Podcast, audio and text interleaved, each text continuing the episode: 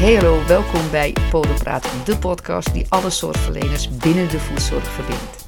Mijn naam is Marieke de Haan, van pedicure via podoposturale therapie naar podotherapeut. Ik wil jou heel graag meenemen in de geschiedenis en de toekomst van de voedzorg in Nederland. En ik hoop je te informeren en te inspireren. Want vergeet niet, als je met beide voeten op de grond blijft staan, kom je nooit een stapje vooruit. Ik wens jou heel veel luisterplezier. Zo, nou, welkom luisteraars van uh, Podo Praat, de podcast die de beroepsgroepen binnen de voedzorg wil verbinden. Vandaag ga ik in gesprek met Michel Boerichter. Wat fijn, uh, Michel, dat je direct ja hebt gezegd op uh, mijn uitnodiging. En ik vind het ook heel fijn om hier in het zonovergoten Lochem even samen te komen. Je hebt me behoorlijk verrast. Uh, en dat was ook jouw bedoeling, geloof ik, toen ik zag hoe jij uh, woont. Uh, binnen de podotherapie is er volgens mij niemand die jou niet kent. Maar voor de luisteraars uit de andere disciplines vraag ik het toch even. Wie is Michel Boerichter? allereerst, ik weet niet of in, in de podotherapie of iedereen mij, mij kent. Maar dat, dat hoeft wat mij betreft ook niet. Um, Michel Boerichter, ik ben 37 jaar ben een geboren Tukker, een Almeloer. En eigenlijk uh, nou ja, direct na de middelbare school HBO podotherapie gaan doen. Dat was in eerste instantie niet mijn, mijn bedoeling. Ik wou fysiotherapie studeren, maar uitgeloot als, als enige in de klas destijds. En ik denk dat dat ergens zo heeft moeten zijn. Um, nou ja, in ieder geval in de opleiding tot podotherapeut terechtgekomen in Enschede. En daar ben ik vooral door de stage, uh, stage eind eerste jaar bij Leonie Rossien op de voetpolie. Dus echt al het snijden in, uh, in wonden. Uh, heel enthousiast over het vak. En nou ja, uiteindelijk heel blij dat ik podotherapeut geworden ben en geen, geen fysiotherapeut zoals mijn, mijn vader. Um, nou ja, en daarna eigenlijk in het vak steeds meer richting eerst het management gegaan en later het beleidsmatige ben een tijdje bestuurslid geweest uh, bij de NVVP en mij dus veel bezig gehouden met uh, basisverzekerde zorg. Ja. ja, daar gaan we het nog even over hebben. Dat, dat zal. Uiteraard heb ik natuurlijk wat huiswerk gedaan en ik zag drie artikelen van jouw hand. Uh, het gaat over onderbeenamputaties in 2014. dat in tien jaar tijd geen, niet veel verschil was. we hebben nog in 2015, wat wordt van u als pedicure verwacht? Dus vier casussen die worden besproken. Ja. Ach, dat sluit ook weer aan bij die zorgmodule. Ja. Maar dan, uh, oh ja, en dan ook nog van SIMS-classificatie naar zorgprofiel. Um, maar wordt het dan niet tijd voor zoiets weer? Want het is nu een beetje stil geweest. Um, nou, dat, dat, zijn enkele vragen in één. Misschien één, uh, één stapje terug van mijn kant uit. Um, ik, ik, ben dus op mijn 21ste podotherapeut geworden in 2007. Mm -hmm. En direct op de voetpolie in Enschede aan het werk gegaan. Um, en ja, vrijwel daarna ook voor het eerst aan een uh, patiënt, ik, ik weet nog heel goed, een mevrouw uit kunnen leggen van u gaat u uw been verliezen. Ja, die mevrouw die begon te huilen, te schreeuwen, die, die, die brak helemaal. En ergens is dat altijd mijn drijfveer geweest van alles wat we kunnen doen om nou ja, om wonden te voorkomen, om amputaties te voorkomen. Eh, voor mij is er weinig mooier aan het vak dan, dan dat stukje. Um, en ja, dat, dat is ergens ook hoe ik dus in die beleidsmatige kant van de basisverzekerde zorg terechtgekomen ben. Dat, dat als je, ja, als je, als je daar dingen echt kunt veranderen via, via de wetgeving, via de financiering, ja, dan heeft dat impact op, op heel veel voeten en benen van heel veel mensen. En uh, ik denk dat dat de drijfveer is waarom ik ja, eigenlijk doe wat ik doe. Um, kun je nog één keer teruggaan naar de vraag? Ja, ik was benieuwd. Uh, ja, ik ben toch wel nieuwsgierig naar die onderbeenamputaties.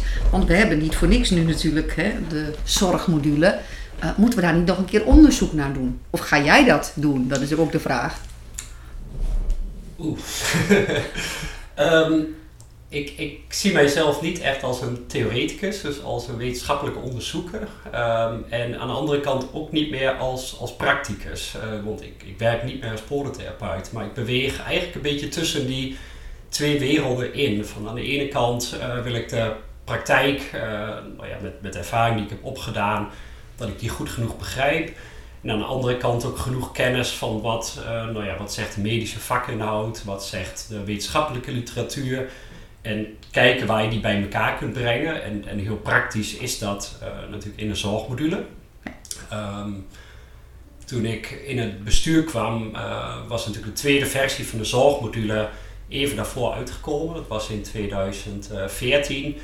En nou ja, ik heb toen het voortouw genomen om eerst voor mensen met diabetes de zorgmodule opnieuw te, nou ja, te, te, te structureren vooral. Maar wel met als gedachte om dan later op, op verder te bouwen met nou ja, wat, wat nu voor ligt. Uh, De uitbreiding naar alle chronische aandoeningen die een uh, volgt risico op wonden aan de voeten geven.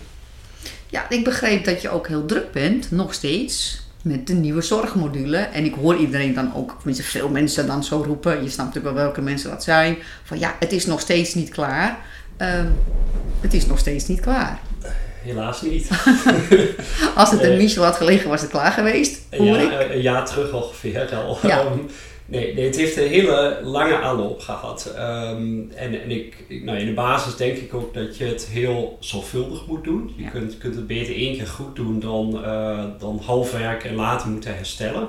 Um, om daar, daar een voorbeeld bij te noemen, bijvoorbeeld in, de, in 2011, toen voor het eerst sprake was van baasverzekerde zorg, toen was de onduidelijkheid over die SIMS 1 groep. En heel veel van die mensen zijn toen in de baasverzekering gekomen en later moesten die mensen eigenlijk teleurgesteld worden van u hoort niet in de baasverzekering thuis. toen ging het eruit. Ging het eruit. Ja. Uh, stapels met klachtenbrieven. En, en, ik, en ik snap dat vanuit het perspectief van de patiënt, vanuit de mens, heel goed. Uh, maar, maar, als je dus nou ja, zo'n zo schrijft zoals nu voor ligt, dan heb je continu dat soort dingen ook in je achterhoofd. Van je wilt ergens heel duidelijk die grens zetten van die patiënt wel en die niet. Uh, maak je die grens te ruim, dan komen allemaal mensen in de basisverzekering die er niet, niet thuis horen. Ja. En uh, nou ja, maak je die grens juist te, te krap, dan kan het zijn dat mensen die wel preventieve voedzorg nodig hebben, uh, dat uiteindelijk onthouden wordt en dat er weer wonde amputaties ontstaan. Dus de, nou ja, ik, denk, ik denk de basis, wat ik hiermee wil vertellen, is dat er vooral heel veel denkwerk in die zorgmodules zit. En als je dan nou ja, terugkijkt naar het traject, eerst die, uh, die 2019 zorgmodule destijds, uh, vooral samen met ProFood, een hele mooie nieuwe versie gemaakt. En ja, toen zijn we vanuit de wetenschappelijke literatuur en ook de, vooral de praktijkervaring vanuit de voetpolies gaan kijken bij, bij welke andere aandoeningen komen wonden voor aan de voeten. Nou, ik, uh, en dan kom je in eerste instantie tot een lijstje uh, ja. en, en dan uh, ga je daar dieper in duiken en nog dieper in duiken. En, en toch maar even het zakwoordenboek der geneeskunde erbij gepakt. ja. En PubMed, waar natuurlijk alle wetenschappelijke artikelen te vinden zijn. Ja, en, en gaandeweg werd dat toch wel een, een behoorlijke lijst. We hebben het over zo'n zo'n 50 aandoeningen waarbij wonden aan de voeten kunnen ontstaan. Ja. Um, dus je kunt je kunt voorstellen als je al die 50 aandoeningen moet uitwerken, hoeveel, nou ja, hoeveel tijd en leeswerk en vooral denkwerk daarin zit. Uh, maar die uitwerking hebben we uiteindelijk aangeleverd bij het, uh, bij het Zorginstituut, ook op, op verzoek van het Zorginstituut. Um, eigenlijk als een soort uh, nou ja, medisch inhoudelijk slash wetenschappelijk kader van uit, uit de expertise uit het veld en de wetenschap blijkt dat bij deze aandoeningen sprake kan zijn van wonden aan de voeten. Nou ja, dan gaat het uh, Zorginstituut daarmee aan de slag. Die komt met een nieuwe uitspraak. En, uh, ja, en dan, dan uh, heb je puur eigenlijk nog maar over hoofdstuk 1 van, van de zorgmodule. Als ja. dit deel is afgerond. Ja, en dan begint natuurlijk nog het hele, ik, ik noem het maar even spel, met alle andere voedzorgpartijen om nou ja, vanuit alle belangen die natuurlijk bij de verschillende beroepsgroepen leven, daar gezamenlijk ook uit te komen. En ja, dat, dat, dat traject heeft, uh, heeft best wel veel voeten in de aarde gehad. Uh, daar komen we denk ik straks Mooi dat je terug. die gebruikt, voeten in de aarde, ja. Um, maar, maar we hebben veel, uh, veel moeten praten met elkaar om, om uiteindelijk dichter bij elkaar te komen en uiteindelijk iedereen ook aan boord te krijgen. Um, ja, en dat, dat traject heeft, heeft eigenlijk langer geduurd dan het eerste traject, die medisch inhoudelijke wetenschappelijke uitwerking. Ehm, maar inmiddels hebben we ook voor, voor dat hoofdstuk binnen de zorgmodule een nieuwe structuur gevonden, waarbij we nou ja, eigenlijk recht doen aan de competenties van alle beroepsgroepen, daarmee ook iedereen erkennen. Dus ik heb er veel vertrouwen in dat we in ieder geval dit jaar de zorgmodule gaan, gaan afronden. Mooi. Ja, echt. Ja, het kost natuurlijk allemaal veel tijd. Maar ik zit zo even te bedenken. Elke kleine aanpassing die je doet in zo'n zorgmodule heeft heel veel uh, gevolgen. Je zegt 50 aandoeningen. Dat betekent dat iedereen die met die voet in aanmerking, in aanraking komt, ook die 50 aandoeningen moet kennen, kunnen herkennen. Ja, die, dan kom je echt, dan kom je, ja, je, je, je komt op scholingen uit. Uh, van, uh, ik, ik, ik heb zelf die, vooral met Leonie Rosien, collega van het Zwolle ziekenhuis, uh, die 50 aandoeningen nou ja, oorspronkelijk in, in beeld gebracht. En ik heb acht jaar op een gewerkt en ik dacht dat ik de meeste aandoeningen wel gezien had. Maar ik, nou ja, ik liet net al even vallen. Ik moest het zakwoordenboek der geneeskunde er weer bij pakken. Uh, ik, ik, ik, heb echt mijn eigen medische kennis weer, weer op moeten frissen om, het, om het te begrijpen. Um, en dan heb je natuurlijk ook uh, nou ja, polytherapeuten die nooit op een voetpolie hebben gewerkt. Um, en met, met pedicures en met orthopedische schoenmakers en met ja. registerpodologen te maken. En um, ja, je, je, je kunt niet zomaar al die mensen in behandeling nemen terwijl je medisch inhoudelijk niet goed genoeg weet um, nou ja, wat de pathofysiologie is, waarom de voetproblemen ontstaan. Dat is bij, bij diabetes toch weer heel anders dan bijvoorbeeld bij, bij jicht, waar, ja. waar, waar kunnen knappen. Um, dus ik heb, ik heb continu de insteek gehad van eerst medisch inhoudelijk moet het, moet het kloppen en van daaruit naar het, naar het beleidsmatige. En ook, ook daar zitten weer ja. honderd verschillende elementen aan. Uh, zo klein als, um, of, of heel groot, maar uh, gaan we werken op verwijzing van een huisarts of medisch specialist. Um, nou ja, daar, daar is van besloten ja, de verzekeraars willen dat. En uh, als NVVP hebben wij ook gezegd, lijkt ons heel verstandig ja. dat de risicobepaling door de arts of medisch specialist gebeurt. Maar dat heeft wel weer als consequentie dat dus ook alle artsen en medisch specialisten betrokken moeten worden. Aha, ja, dus dan, dan heb je het over één heel klein aspectje van het geheel, maar waar, waar de keuze die je maakt heel erg bepalend is voor alles wat daarna ja, gebeurt. De richting verandert natuurlijk steeds bij elke kleine, ja. uh, kleine beslissing. Ja. Uh, dus dat is een hele interessante. Waar ik ook aan zit te denken, een van de pijlers van de diabetische voedzorgmodule, waar ik echt heel erg fan van, is educatievoorlichting. Dat schijnt belangrijk te zijn, net als goede voedzorg. Maar educatievoorlichting. Dan moet ik dus die 50 aandoeningen ook wel ja. kennen, kunnen en herkennen. Wat ja. valt er anders aan voorlichting te geven? Kijk, als jij aan een patiënt met sclerodermie, waarbij de, de huid steeds meer kan, kan verstrakken, uh, waardoor er hele moeilijk genezende wonden kunnen ontstaan, vooral op de teentoppen. Als jij daar uitleg gaat geven over neuropathie, ja, dat heeft geen enkele zin. Die mensen hebben geen neuropathie. En als jij iemand met een jichtolvus uh, gaat uitleggen wat perifere vaatlijden is, ja, dan sla je de plank ook mis. Want, ja. want dat ja. is niet het onderliggende probleem. Dus de, de, de, de, de, inhoudelijke kennis van het ziektebeeld is heel erg bepalend over welke, nou ja, welke educatie je kunt geven. En, en, natuurlijk is de algemene educatie van wat doe je als er een wond aan de voeten ontstaat, dat, dat kun je redelijk gelijk houden voor alle patiëntengroepen. Tuurlijk, ja. Maar uiteindelijk waar je op uitkomt is als, uh, als, als, als je mensen wil adviseren uh, vanuit zelfmanagement om de juiste dingen te doen om, om wonden aan de voeten te voorkomen, ja, dan, dan is dat verschillend bij de verschillende soorten patiëntengroepen. Daar, daar ontkom je niet aan. Daar ontkom je niet aan. En dan heb je natuurlijk straks ook nog dat we dan ook weer aparte folders moeten hebben. Dus dat, ja, het is niet zomaar even, hij is nog niet klaar. Die ik, ik denk dat de zorgmodule maar een heel klein, wel, wel een belangrijk, maar eigenlijk maar een heel klein ja. stukje is in het, in het geheel. Ja. Um, het, het, is het startschot. Het is het startschot. Ja. Het legt een, een soort fundament. Uh, tenminste, dat, dat hoop ik dat het dat gaat, gaat doen natuurlijk. En vanuit daar zijn we met elkaar nog wel tien jaar bezig om dit allemaal super vorm te gaan geven. En, en je, je zou zelfs kunnen redeneren dat zorg nooit af is. Zorg, zorg kan kan altijd beter. Uh, en en, en uh, het gaat denk ik veel meer om het juist dat continu leren en verbeteren hoe we met elkaar de voedzorg naar een steeds hoger niveau kunnen tillen. Het is eigenlijk een levend document als het goed is. Ja, ik, Ja. kijk, ik verwacht dat ondanks dat we ons huiswerk heel goed gedaan hebben, dat, dat, eh, nou, dan, dan kan ik wel even die 2019 zorgmodule terugpakken. Ik dacht toen van wauw, we hebben daar, daar echt iets moois geschreven en het zit, zit goed in elkaar. En als ik dat nu lees, dan denk ik van goh, hoe heb je dat toch zo op papier kunnen zetten? Dat, eh, dus dus je, je hebt met voortschrijdend inzicht te Ja. maken. Ja. weet je, vaak zie je eigen, eigen blinde vlek ook niet.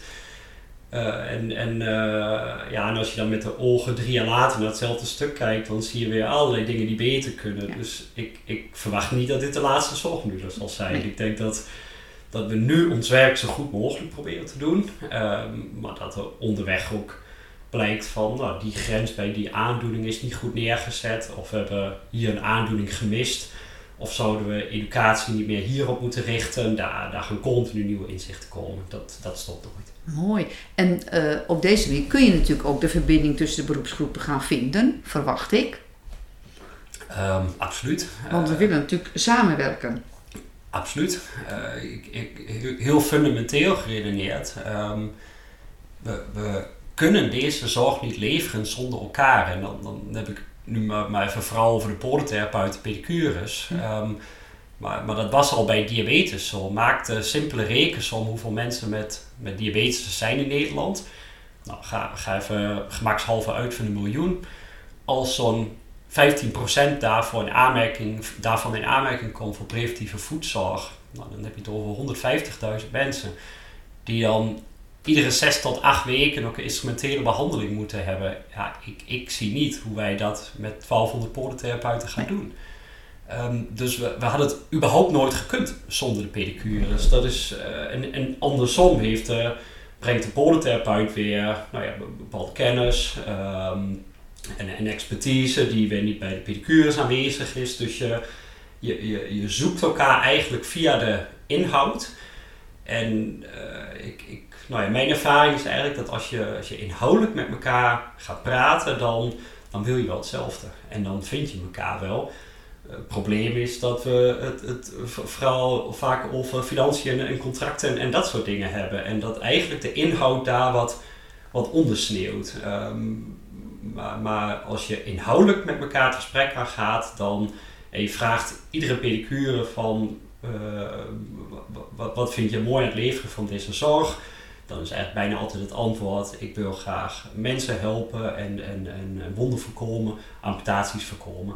Vraag je dat aan podotherapeuten, willen ze precies hetzelfde. Dat is eigenlijk zoals ook begon, hè, het verhaal over de poli, hè, die dame op de poli. Ehm, ineens dacht ik, ja, de impact van die zorg, dat moeten we ook niet vergeten. Hoe belangrijk het ook is.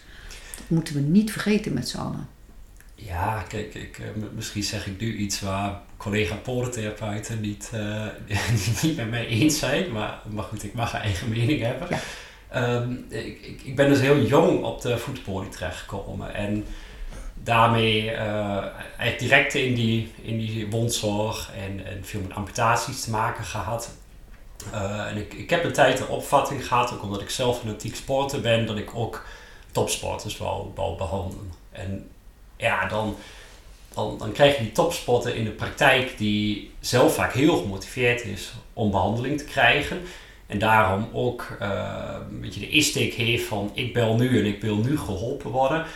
En, en in mij zelf gaf dat een soort, soort conflict van, ja, maar ik vind eigenlijk dat redden van benen en voeten bij mensen met chronische aandoeningen ehm, qua, impact veel, veel groter, veel, ehm, eh, ja, la- la- laat ik zo zeggen, als ik uiteindelijk bij mezelf echt eerlijk ben van waar, waar word ik warm van, dan, dan is het niet dat die topsporter die wedstrijd kan voetballen of, of, of kan, kan rijden of, of noem maar een beetje afhankelijk van de sport.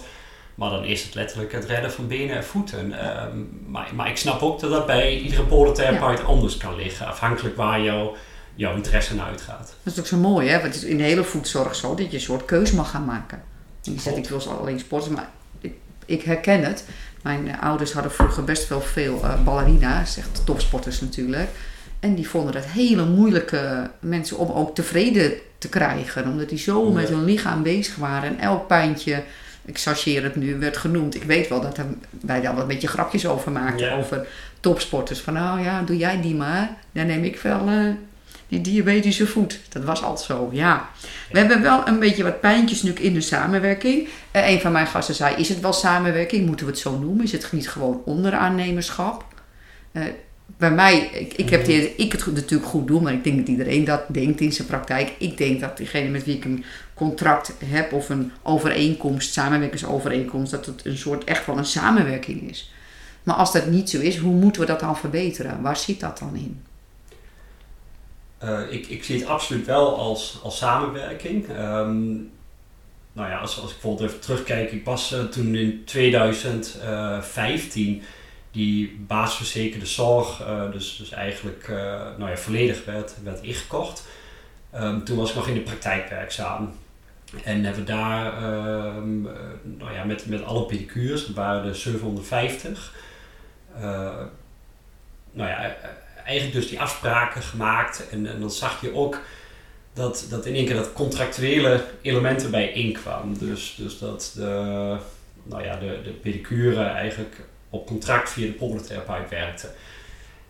Maar daar is ook wat aan, aan vooraf gegaan destijds. Uh, want in de eerste instantie zijn heel veel pedicures natuurlijk via, via zorggroepen gecontracteerd. Uh, bij bepaalde zorggroepen was het direct ook via de, via de. Uh, maar wat ik uit die tijd meegemaakt heb, is dat heel veel zorggroepen eigenlijk niet goed wisten van hoe ze, hoe ze dat goed moesten doen. Uh, was voor hun totaal nieuw, ze kennen die voedzorg niet. En dat ze uiteindelijk heel blij waren van poordentherapeuten, kunnen jullie dat deel op ons nemen, want wij, wij krijgen het eigenlijk niet goed georganiseerd. En je, je, je, krijgt daar dan twee dingen eigenlijk op die manier door elkaar lopen. Het inhoudelijke en het financiële. En ik, ik heb net al even gezegd dat die, de discussies eigenlijk meer allemaal richting het financiële contractuele gaan. En dat daarmee de het inhoudelijke samenwerking ondersneeuwt. Uh, dat vind ik heel jammer, want ik hoop dat we die juist, juist kunnen draaien. Want daar, daar vinden we elkaar wel. Um, maar als je iets hoger overpakt. Uh, en, en ook deze mening zal misschien niet iedereen mij in dank afnemen. maar of je als pedicurus beter af bent via contractering van de podentherapeut of bijvoorbeeld rechtstreeks bij een verzekeraar, dan, dan denk ik echt dat het het eerste is. Want uiteindelijk kun je bij die podentherapeut inhoudelijk wel het gesprek aangaan en elkaar daar vinden. Ja. Ja. Terwijl dat bij een verzekeraar heel anders is. Um, en nou ja, wij. Uh, kijken wat dat betreft veel bijvoorbeeld ook naar omliggende beroepsgroepen in de paramedie. En, en kijk naar de problemen die bijvoorbeeld de fysiotherapeuten hebben bij verzekeraars. Um, dan nou ja, denk ik ergens dat, dat pedicures um, in, in de, rol waar ze nu in zitten, uh, dus dat wel de, de financiering via de polytherapeut verloopt, dat het eigenlijk de meest gunstige positie is. En dat, dat de, uh, beter voor de pedicure beroepsgroep is dan rechtstreeks contractering via verzekeraars. Ik denk dat je daarmee in een nog, nog uh, veel lastigere situatie qua onderhandeling terechtkomt. Um, wat hier wel mee samenhangt, en dat, dat, is, dat is wel een lastig ding, is, is, is dat we natuurlijk in de Nederlandse gezondheidszorg in 2006 te maken hebben met marktwerking.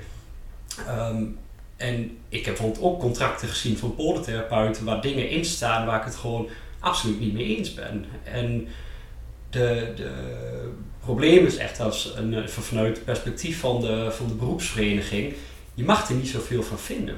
Um, en, vooral niet waar het tarieven betreft. Dat is echt aan de individuele praktijk. Um, en ik zie daar ook aan de andere kant hele positieve bewegingen. Dat, dat praktijken er juist alles aan doen om de pedicures heel tevreden te houden.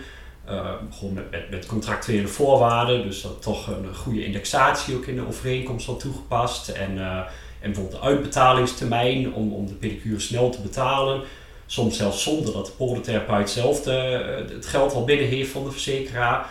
Uh, in, in het geven van scholingen. Dus, dus ik, ik sta er een beetje dubbel in. Ik, ik zie aan de ene kant um, dat er echt bij heel veel praktijken heel goed wordt samengewerkt. Um, en, en het blijkt ook wel uit dat, ja, ik, ik schat in dat zo'n zo'n 80 tot 90 procent van alle instrumentele behandelingen door de pedicure worden uitgevoerd in de preventieve voedzorg. Um, dus je zou kunnen stellen dat, dat de samenwerking juist een heel groot succes is. Maar, maar de geluiden die je natuurlijk continu hoort, ja, dat is wat niet goed gaat. En, Ja. ehm, en daar, daar heb je beperkt invloed op. Dat is, dat is misschien wel wat ik wil zeggen, omdat bepaalde dingen gewoon voortkomen uit hoe ons gezondheidszorgsysteem is ingericht op basis van maakwerking. Ehm, en, en ergens waar je dan op uitkomt, is dat je ook vertrouwen moet hebben in maakwerking. Dat als een podotherapeut bijvoorbeeld een te laag tarief bet- betaalt ten opzichte van de collega's in de omgeving, ja, dat pedicures dan zullen vertrekken bij die podotherapeut, waardoor die uiteindelijk ook gedwongen wordt om zijn tarief aan te passen. Dat, dat is eigenlijk het mechanisme wat, eh wat eronder ligt. En dat is al sinds 2006 in de gehele gezondheidszorg. Maar ik zie overal om me heen dat we ook nog moeite hebben om daaraan te wennen. Ja, zeker. En eh, we hebben toch wel een probleempje met het aantal pedicures. Ik zie eh, best wel veel pedicures stoppen. Het, het is veel werk, eh, uiteraard. Ze hebben allemaal veel werk. Daar hebben we natuurlijk ook een dingetje. En wat, nou, wat zou nou het gevolg zijn? Ik weet niet of dat gaat gebeuren. Maar dat elke podotherapiepraktijk zegt... joh, ik neem gewoon zelf pedicures in loondienst. Ik ga medische pedicures opleiden. En we houden de diabetische voedzorg binnen. Ik vraag me af namelijk of dat een probleem is. In, in principe staat het iedere praktijk vrij of zij eh, nou ja, pedicures contracteren, die, die eh, dus zelfstandig zijn, of dat ze als podotherapeuten instrumentele behandeling zelf doen, of, of een medische pedicure in dienst nemen. In principe staat het vrij, dat, dat is de basis. Ehm, en ja, ik, ik, ik snap ergens ook dat als, als de probleem in de capaciteit ontstaat en, en de podotherapeut heeft de verantwoordelijkheid over de toegankelijkheid van de zorg. Dus, dus ehm, als patiënten bij jou komen voor basisverzekerde zorg, dan heb jij als podotherapeut de verantwoordelijkheid dat die geleverd wordt. Of je het zelf doet, of dus met, met hulp van medische pedicures in de omgeving. Ja, en als daar dan eh, een tekort ontstaan in medische pedicures, zodat mensen toch meer op de nou ja, persoonlijke verzorging of uiterlijke, uiterlijke verzorging richten. Ja, ik vind dat heel jammer. Want ik denk Ja, dat. Ja, het zijn natuurlijk wel hele leuke individuen ook. Weet je, met een hele aparte zorg op maat. En er zijn ook, Ja. ook heel veel eh, mensen die zijn later pedicure geworden. Die, die waren al, eh, weet ik veel, eh, die waren al assistent van een jurist of weet je, van een accountant. Dus ze Ja. hebben al zoveel om mee te brengen. Heel veel verpleegkundigen natuurlijk, die later pedicure zijn geworden. Ja, Dat vind ik wel jammer. Aan de andere kant, ik hoor geluiden van ja, ik moet met die pe- podotherapeut en ik moet met die podo, want zo worden we dan genoemd. En denk ik, ja, maar dan hoeven we dat ook niet meer. Uite- uiteindelijk eh, be- beweegt, denk ik, zowel in de podotherapie als in de pedicure sector iedereen eh, in tussen eh, ondernemerschap en zorgverlenerschap. Ja. Dus we zijn ergens allemaal als ondernemer ook begonnen, ehm, maar vanuit een zorgverlenershart. En ik, ik zie bij beide beroepsgroepen dat die wat naar de ondernemende kant is, is opgeschoven. Terwijl je de, die hele basisverzekerde zorg juist echt als, als zorgverlenerschap zou, zou kunnen zien. Ja, dat denk ik ook. Ehm, en en ja, je, je komt daar wel op interessante paradoxen Ja. uit die daaronder liggen. Dat, Mm. dat als jij meer op dat ondernemerschap richt, heb je, heb je meer vrijheid. Je hebt ja, minder regels te houden. Je, je, je kunt meer dingen zelf bepalen. Maar aan de andere kant, als je hem redeneert vanuit erkenning en, en, en, en, en echt een positie krijgen binnen het gehele zorgstelsel, ehm, ja, dan, dan moet je juist echt die basisverzekerde Ja. zorg in. Eh, want ik denk dat de, de, de impact die we dus op mensen kunnen hebben, letterlijk het, het redden van voeten, het redden van benen, het redden van levens, ja, dat is prachtig. Dat is gigantisch, hè? En- ja. En ik, ik hoop dus dat we ni- niet vergeten dat we in ons hart zorgverleners zijn. En het is prima om daarnaast ook ondernemer te zijn, maar we zijn ook zorgverlener. En, en dat basisverzekerde zorg extra gedoe meebrengt in, in alle regels en, en, en eh, de, de ontelbare hoeveelheid wetten waar we mee te maken hebben. Ja, dat zie ik ook. Ehm, en waar je daar invloed op uit kunt oefenen, dat, ja, dat proberen we natuurlijk. Ja. Ehm, maar dat lukt niet altijd. Want, want je hebt met heel veel partijen in, in het zorgstelsel te maken. Dus, dus er zitten wat, wat paradoxen onder. En, en je komt erop uit dat iedereen een eigen keuze ehm, daarin kan maken. Maar luister ook naar je hart. Mooi. Eigen keuze maken. Is altijd goed. Ehm, we hadden het net al even over tarief. Daar heb ik ook over nagedacht. Nou, jij kent de tarieven ook van een zorgverzekeraar. Ja, die gaat natuurlijk met centjes omhoog per jaar. Terwijl de inflatie uh, dan 10% zou zijn. Uh, hoe houden we die voedzorg dan betaalbaar? Nou ja, kijk, eigenlijk waar pedicures zeggen van bijvoorbeeld die porentherapeut heeft niet geïndexeerd, hebben wij datzelfde uh probleem, soortgelijk echt met de verzekeraars. Ja, het, het, is niet dat verzekeraars allemaal hetzelfde tarief hanteren. Dat, dat mag dus weer niet, omdat er sprake is van marktwerking, ook tussen verzekeraars. En dit is, dit is wel een lastige, want stel jij hebt een praktijk die in een gebied zit waar uh, één verzekeraar de grootste is. En dat is net die verzekeraar die weigert te indexeren. Ja, dan, dan werkt dat dus ook door op de tarieven die jij als podotherapeut aan de pedicure kunt betalen. Maar stel dat een andere praktijk in een gebied zit waar praktijk waar de verzekeraar juist wel heel goed indexeert, ja, dan kan het ook weer ten positieve worden, worden doorberekend. Ja. Um, ja, ergens kom je hierop uit dat dit gewoon is hoe het zorgstelsel werkt en, en dat je ook maar beperkt uh, nou ja, onderhandelingsruimte hebt. Dat hebben wij ook naar verzekeraars. Ik, ik, ik praat uh, echt twee keer per jaar met alle verzekeraars, maar we mogen niet over tarieven hebben. Nee. Over alles wat inhoudelijk is, um, daar kunnen we goede afspraken over maken. Dus is een verwijzing verplicht? Um, en hoe lang is een verwijzing geldend? En, uh, en moet er een digitaal systeem gebruikt worden? En daar mag je allemaal afspraken over maken. Ge geen probleem. Maar ik mag geen bedrag in de mond nemen. Nee, dat snap ik. En toch is het heel belangrijk dat die voedzorg betaalbaar blijft. Ik, ik snap dat je zegt, Ja. ik doe medisch en niet medisch noodzakelijke zorg en dan wil ik daar geld voor hebben. Maar het, ik, wij zitten in Amsterdam-Noord, dat weet je natuurlijk. En daar hebben we heel veel diabetespatiënten, lage geletterdheid eh, en ook nog lage gezondheidsvaardigheden. Die mensen vinden 10 euro betalen, bijbetalen voor een eh, behandeling, vinden ze veel.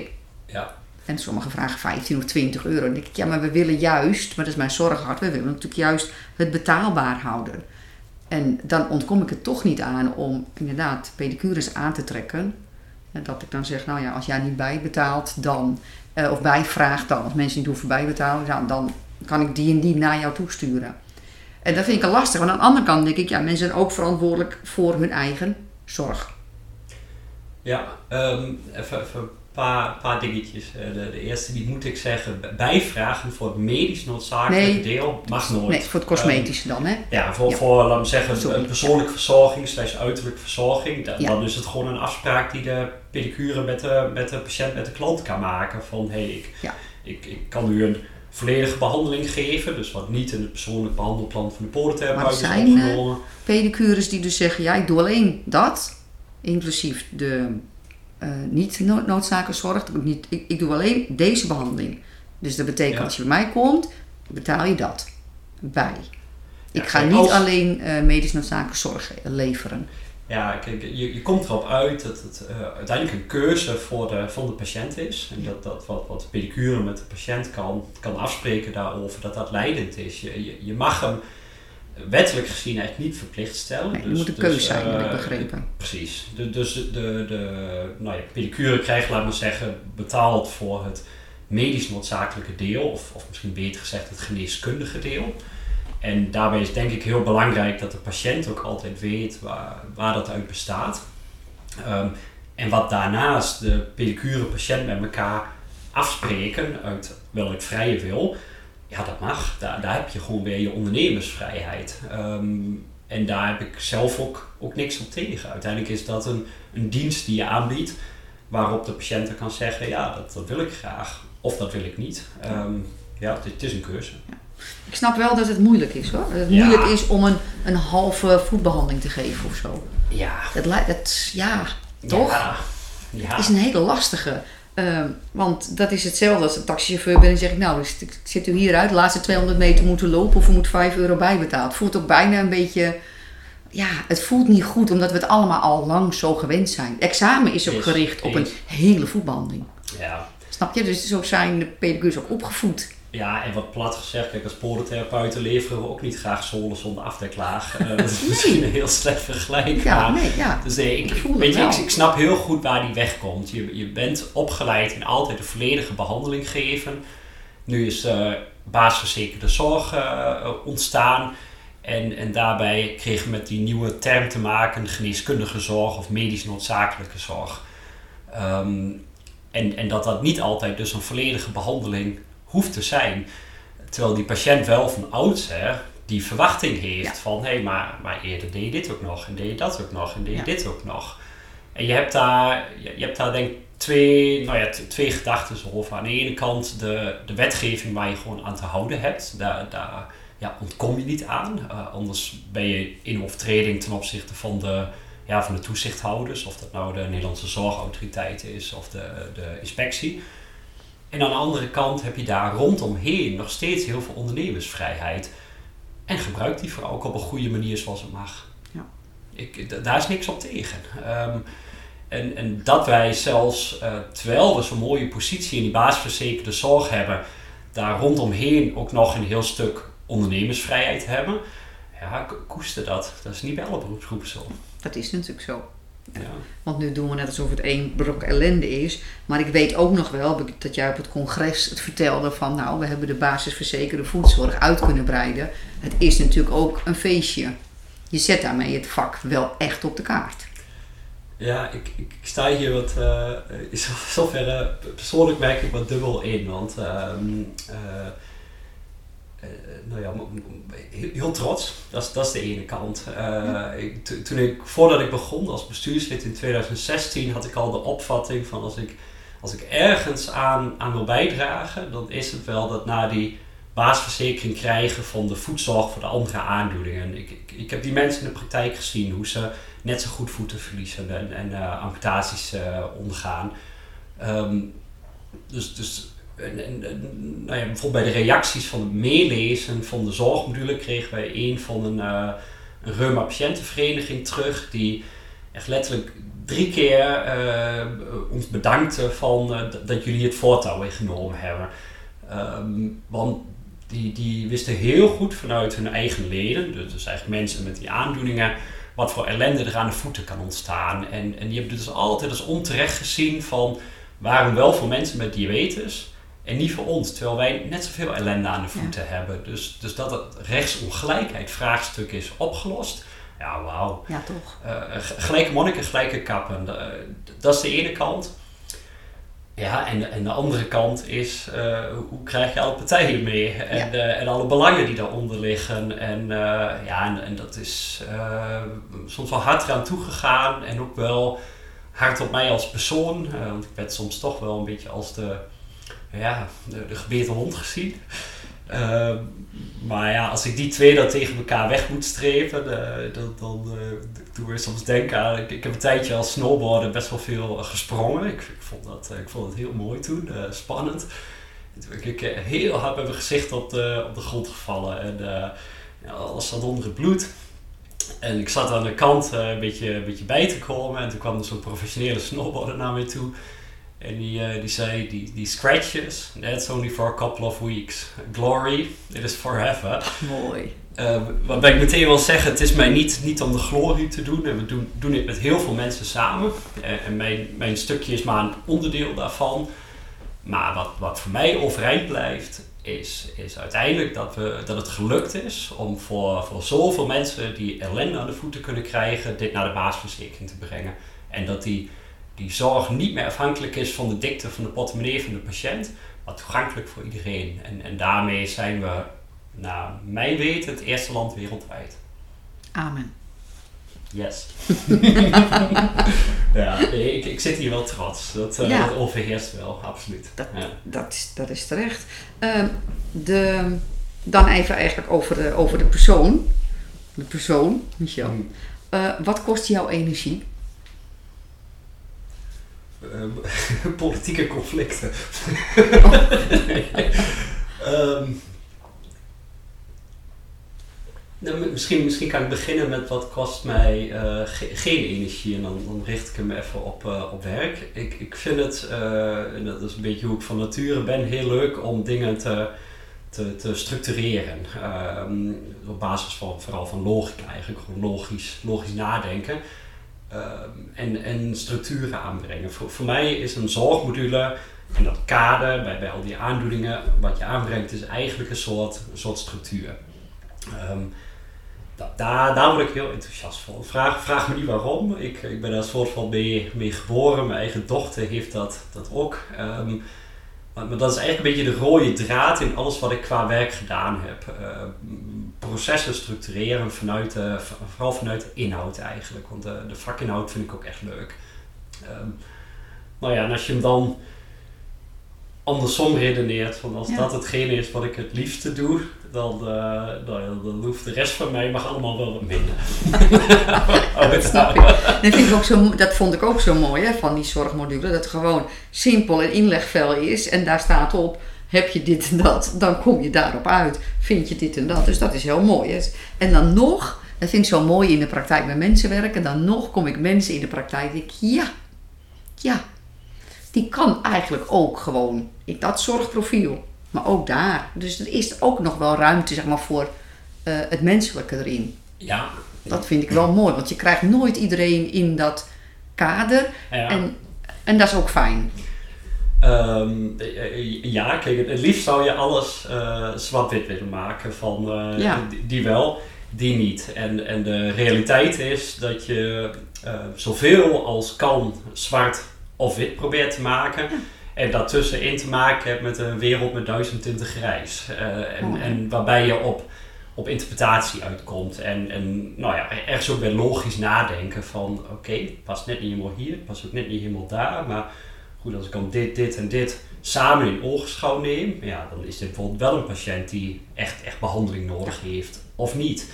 Soms is het ehm, ook een beetje koffiedik kijken. Dat heb ik ook wel een keer gehad. En ik dacht, ja, ja. ja. Toch maar even. Ik merk dat de educatie niet helemaal doorkomt. Ik snap dat een, deze meneer het niet helemaal begrijpt. Eigenlijk niet de impact van een probleem aan zijn voet. Dus die heb ik een keer hoger ingeschaald. En met een half jaar had ik al gelijk. Ja. Toen zat daar toch een okus. Ja, en, en uh, nou ja, als ik hem dan ook weer even terugpak op mijzelf. Um, ik, ik werk makkelijker ergens alleen achter een computer die structuur uit te werken. Daar word ik heel blij van dan met, met, mensen werken in de wereld van duizend tinten grijs. En daar zit ergens ook wel mijn, mijn eigen valkuil. Dat was ook wel in het traject van de, van de zorgmodule. Dat, dat alle keuzes die eigenlijk onderweg gemaakt zijn en waardoor we staan waar we nu staan, die, ja, die vond ik zelf allemaal heel logisch. En en goed, goed uitgedacht en daar sta ik 100% achter. Um, maar waar ik, waar ik misschien wel wat tekort geschoten heb, is hoe ik ook de, de omgeving en alle andere partijen daar op goede manier in meegenomen heb. En, en dat is niet eens onwil, maar dat, dat is niet waar bij mij persoonlijk de eerste gedachte naar uitgaat. Dan, dan, dan duik ik op dat probleem en dan, ja, dan voor je weer, ben ik alweer een nieuwe structuur aan het uitdenken. En dan, dan betrek ik er wel wat mensen bij die dat nog weer verder kunnen brengen. Maar dan mis je soms wel eens het grotere plaatje en, en ook iedereen goed betrekken. En, en nou ja, daar, daar is ook wel vrevel ontstaan. En uh, ik, ik heb daar ook mijn, mijn excuus in, in een overleg voor aangeboden. Maar het is uh, ergens inherent aan hoe het beestje op elkaar zit. Ja, dat, is, dat is de andere kant. Ik zie ook helemaal jouw glim als je dan voor die drive hebt. Van dan zit ik daar en dan, maak ik die, dan neem ik die beslissing en dan heb ik over nagedacht. Dan word je ook, daar zie ik ook dat je er heel blij van wordt. Ja. ja. en dat is natuurlijk wat anders dan die verbinding maken. En dat is natuurlijk ook tot een bepaalde grens. Je kunt niet alles in het kader hebben. Je kunt niet met iedereen verbinding maken. Je kunt ook niet iedereen blij maken. Ergens daartussen uh, moet het goed komen, denk ik dan. Ja, en, en ergens ook weten waar je in je kracht zit en, en waar het voor jou ophoudt. En misschien is dat wel, als ik zo even reflecteer, de, de boodschap die hieruit volgt. Van, uh, ik, ik, heb, ik heb zelf heel lang moeite gehad om echt, met, mij, met, met hoe ik zelf ben, van, van dat willen structureren van. Uh, op een gegeven moment ben ik aan hele werkcarrière gaan kijken. En ik, ik heb best wel veel gedaan, veel verschillende functies, veel verschillende projecten. En, en op een gegeven moment zag ik die, die rode lijn. En ik van ja, wat, wat, ik, wat ik hier continu aan het doen ben, wat ik breng, is, is structureren. En uh, ja, je zou dat ook, ook bijna als een soort autisme kunnen bestempelen. Um, hoewel ik het dan in een positieve, positieve vorm daarvan zie. Um, maar daarin zit ik, zit ik echt in mijn kracht. Maar ik heb dat heel lang niet een soort, soort van, van mezelf willen, willen accepteren. Ehm, want het is niet heel gebruikelijk. En, en de andere kant daarvan is dat ik dus misschien ook niet de, nou ja, de beste persoon ben om echt die, die verbinding te leggen met anderen. Dat, dat, dat, heb je dan ook te accepteren. Want dat is, dat is gewoon niet hoe, nou ja, hoe, hoe ik bedraad ben van binnen. En waar je dan op uitkomt, is, is je hebt elkaar nodig. Dus iedereen heeft, heeft eigen kwaliteiten en, en staat op een eigen manier in zijn kracht. En, en als je dat leert zien van, van elkaar, van hey, die is daar goed in en die is daar goed in. En je weet dat bij elkaar te brengen. Ja, voor mij is dat, is dat ergens samenwerking. Ehm, maar wat daar soort van onder ligt, is ook wel een kritische houding naar jezelf toe. Ja, dat is heel belangrijk, ja. Ja, en niet makkelijk. Nee. En het is toch heel vaak hè, dat je superpower ook meteen je zwakte is. Het is altijd zo. Ja, of, of dat je... kracht kan een zwakte zijn. ja, Als je het maar weet. En de, de, de zwakte ontstaat denk ik als je er niet bewust van bent. Ja, dus als jij, als jij niet, niet eens van jezelf weet wat je kracht is. En, eh, en, en iedereen die dit hoort, die zal misschien primair reageren met oh, maar ik weet dat wel. Nou, ik, eh, ik wist het niet van mezelf. Dat, eh, dat heeft best wel wat, wat zelfreflectie gekost om daar, daarop uit te komen. Ehm, Ja, en dan is het natuurlijk een kwestie van het een, accepteren dat het Ja. zo is. En dat je dan zegt van, hé, maar dat, daar word ik helemaal niet blij van. Dat is mooi als iemand anders dan die, die verbinding gaat maken. Dan kunnen we de krachten bundelen. Dat is toch alleen maar mooi, Ja. Vind ik. Ja, Ja, dan, dan kom je op een soort van, van synergie uit. Hè. Eh, 1 plus 1 is 3, dan, dan versterkt het elkaar. Ja. Ehm, ehm, maar ja, dat, dat, is, dat, dat, dat, dat heeft wat tijd nodig voor je daar, daar bent vaak. En dat is, dat is heel logisch als je over dit proces nadenkt. Het, je, hebt, je hebt eerst het proces binnen, binnen jezelf. En een ander heeft een soort gelijkproces. En, en dan nog het, het vinden van elkaar.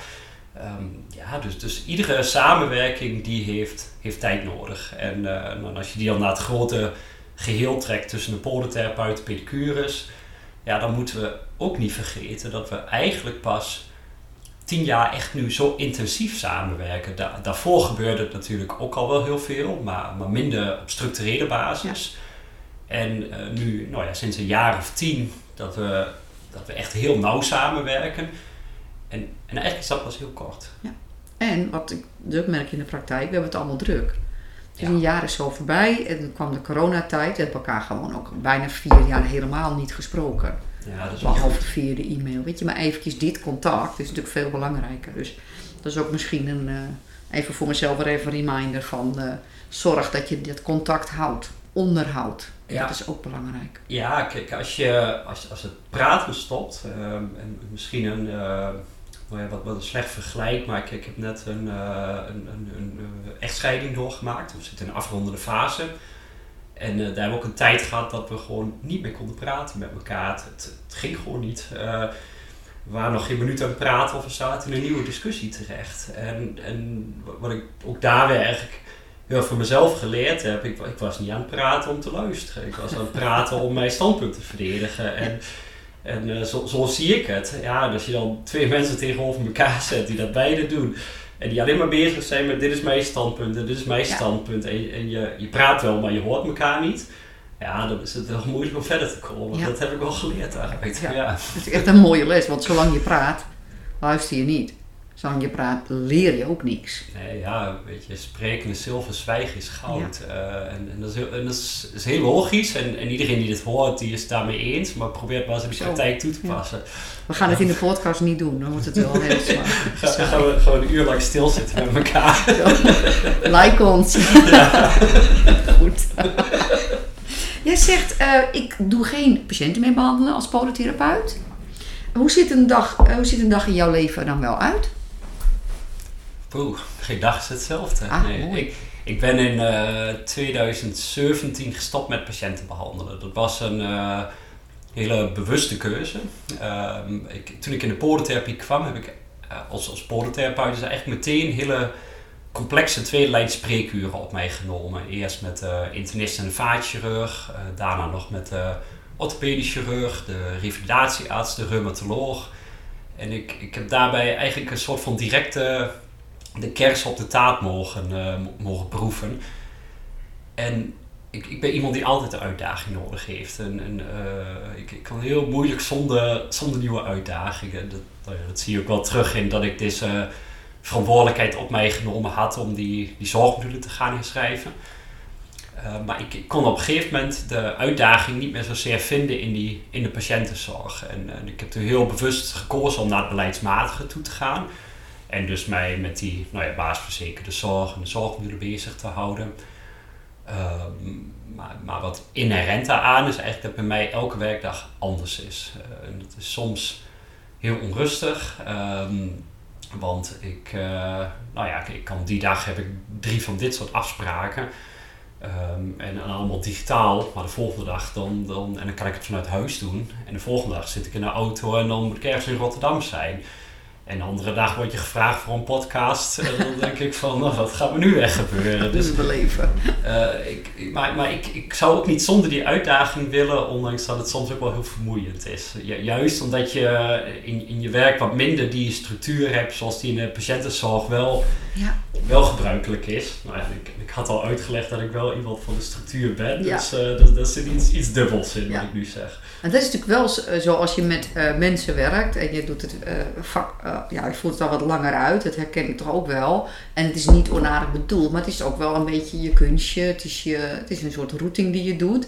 Uh, dat ik ook wel soms denk, hé, hey, dit is nu ben ik niet meer zo gemotiveerd. En dat vind ik niet oké als je met mensen werkt. Ik, ik heb zelf ook af en toe even die, ja, die prikkel nodig of die uitdaging om toch wel even verder te gaan. Want ik moet wel 100% leveren in de praktijk.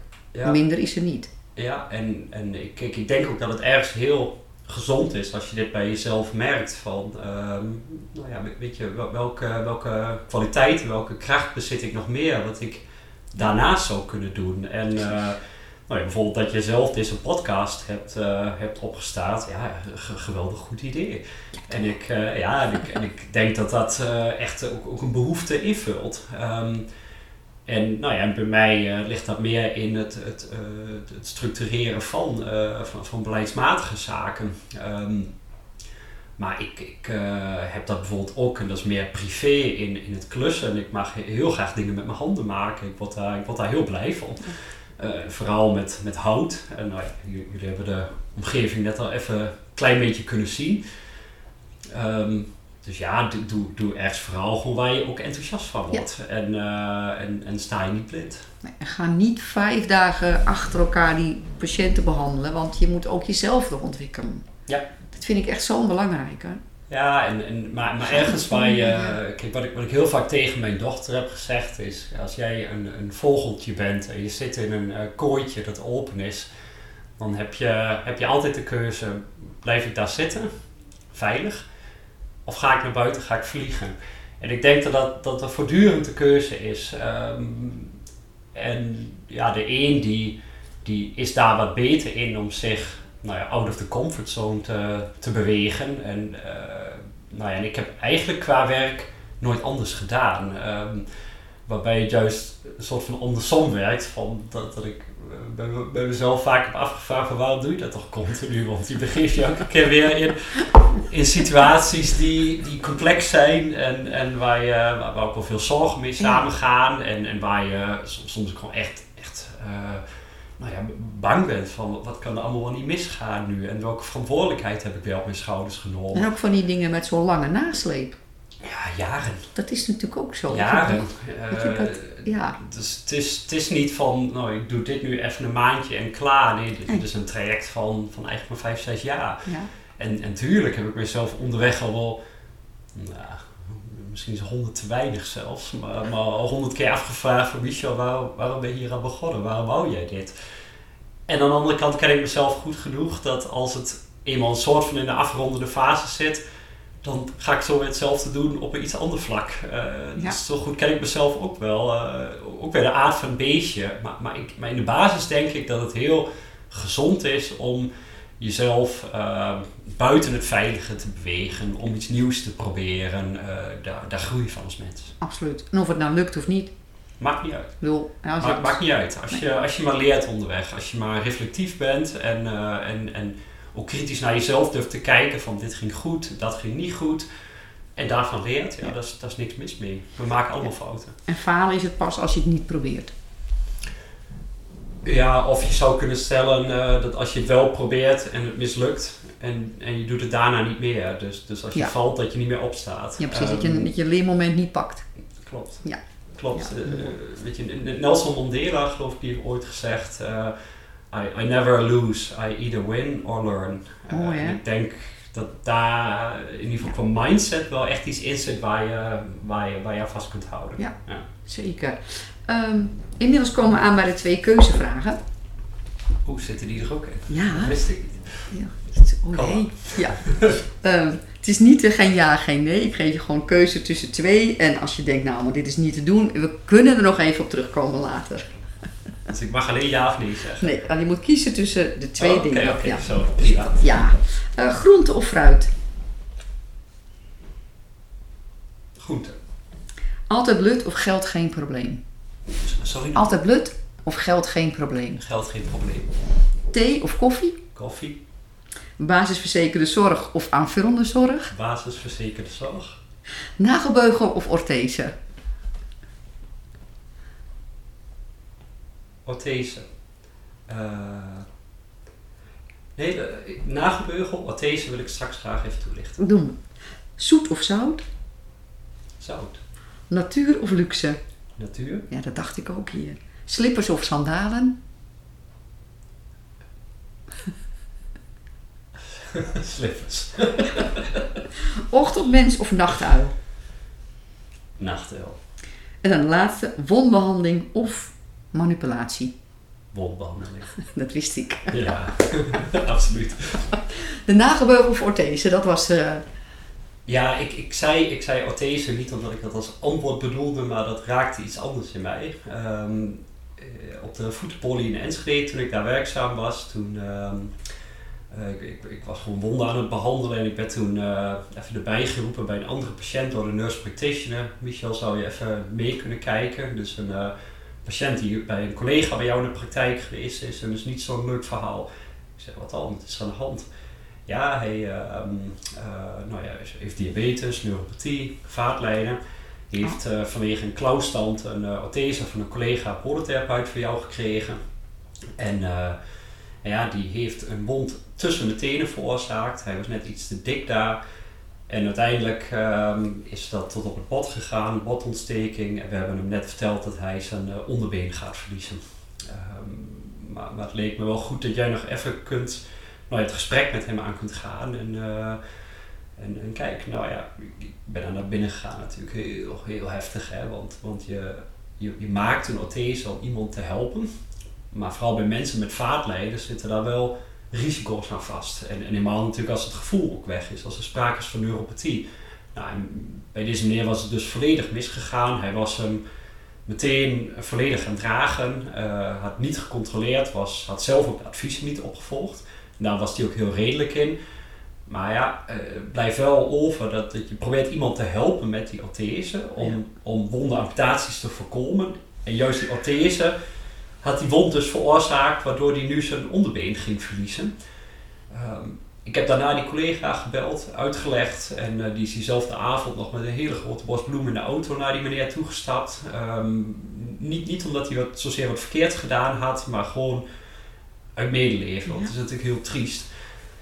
Um, dus ik, ik geloof heel erg in ortheses, maar bij de groep waar we het vandaag vooral over hebben, uh, ook, ook zekere voorzichtigheid, want het kan goed misgaan. En dat, ja. dat geldt ergens ook voor nagelbeugels.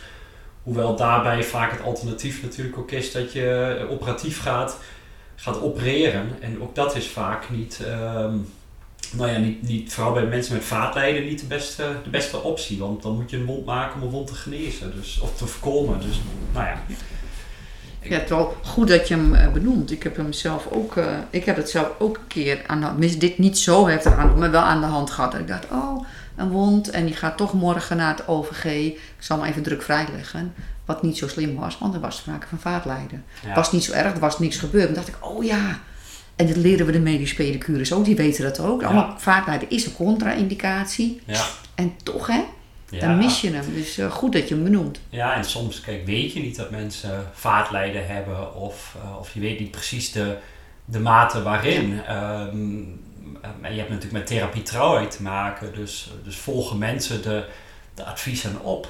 Um, maar ik, ik ben toen wel een soort van, van wakker geschrokken. Van ja. hoe voorzichtig zijn, want het kan ook goed misgaan. Ik en dat geldt overigens ook voor nieuwe schoenen. Hè, en ook voor, uh, voor, voor. Of, of, Tuurlijk, Ehm, ja. eh, hoort bij dit werk, bij deze doelgroep. Ja, Ehm, absoluut. Ik kreeg een heel mooi briefje van de polytherapeuten OVG van, eh, dat ze geen toestemming gaf om eh, drukvrij te leggen. Vond ik heel netjes. Het zet echt heel goed verwoord. Want eigenlijk was het gewoon, weet je, gewoon een klap of je voor Ja. of ah, suf. Ehm, voor we afsluiten, mhm. wil jij nog iets vertellen? Of hebben we alles Oh ja, er is, er is zoveel wat ik nog kan vertellen.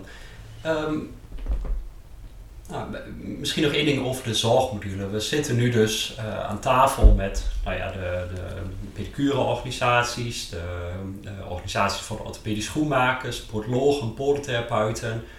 En het eh, nou ja, heeft, heeft er alle schijn van. Het lijkt er echt op dat we met al die beroepsgroepen daar uit gaan komen. En eh, dat is nou ja, dat is iets wat, wat heel uniek is. Dat zie je toch niet in heel veel sectoren gebeuren als dat lukt. En ik denk ook dat wat daar, ehm, nou ja, wat daar eigenlijk uit gaat ontstaan, is dat wij dus als, als allerlei beroepsgroepen in die voetengezondheidszorg steeds dichter bij elkaar komen. Vanuit de inhoud. Nou, en dat is naast de impact die dit op, eh, nou ja, op de patiënten heeft in, in het eh, redden van, van voeten en benen ja, is dat iets waar ik ook, ook heel sterk in geloof. Eh, ik, ik geloof niet dat je beter af bent als je allemaal op je eigen eiland zit en, en vanuit daar nou ja, gaat onderhandelen met een verzekeraar. Eh, het is veel beter als je de rij met elkaar weet te sluiten en elkaar ehm, nou ja, eigenlijk halt staat. Ehm, wij zijn samen de voedzorg. En, en dat we die draai nu ook aan het maken zijn, ja, dat is, dat is wel mooi. Mooi hè? Ja, ik Ja. zie je heel wat glimlachen. Dat zie je natuurlijk niet op de podcast, maar je, echt, je wordt er heel blij van. Want dat, zoals je zegt, 1 plus 1 is 3. Ja, weet je, ik heb, ik heb altijd bijvoorbeeld met de orthopedisch schoenmakers samengewerkt. Waarom? Eh, heel simpel, je hebt alle mensen met Sims 3 die dan net de, de, de wonden dicht hadden aan de voeten. En die konden niet meer in een, in een confectieschoen. Dus kwamen ze bij de orthopedisch schoenmaker terecht. Maar ja, als die niet van mijn kant uit het verhaal hoort van wat er allemaal aan vooraf gegaan is en, eh, en wat wel gewerkt heeft en niet gewerkt heeft, kan hij zijn werk ook weer niet goed doen. En andersom, als bijvoorbeeld zo'n patiënt nog vilt onder de voeten heeft, ja, dan kan hij zijn orthopedische schoenen niet aanmeten. Dus als je puur vanuit die patiënt redeneert, is het heel logisch om samen te werken. Ehm, maar ja, als je het op beroepsgroepniveau bekijkt, dan, dan spelen er toch vaak, vaak belangen mee en, en soms ook wel de, de ego's van bestuurders. En dan is het toch wel een stuk moeilijker om, om elkaar te vinden. En eh, nou, dat, dat, dat vind ik wel eens moeilijk, eh, vooral, ook vanuit mijn eigen werk, want ik, ben uiteindelijk zelf ook zorgverlener. Ehm, maar ik zie ook dat we daar een hele positieve draai in aan maken zijn. Jullie gaan Ja. eruit komen. Ja. Mooi. Ja. Nou, dankjewel. Eh ik vond het een heel fijn gesprek. En ik vond het ook heel fijn dat je er tijd voor vrij wilde maken. Ja, ook dank voor de uitnodiging. Leuk om te doen. Graag gedaan. En zo zijn we aan het einde gekomen van deze aflevering van Podopraat, de podcast die probeert ondernemers en zorgverleners binnen de voedzorg met elkaar te verbinden. Op naar een mooier voetenland. Wil je graag abonneren omdat je nieuwsgierig bent geworden en graag de podcast wil volgen? Druk dan op subscribe of abonneer in jouw podcast-app. Natuurlijk vind ik het ook super fijn als je een review wilt achterlaten. Doe dat vooral in de podcast-app. Wil je een inzicht met me delen? Heb je vragen of suggesties? Je kunt me vinden via LinkedIn. Mijn naam is Marieke de Haan. En anders via e-mail podopraat.gmail.com. Voor nu bedank ik je hartelijk voor het luisteren en heel graag tot de volgende.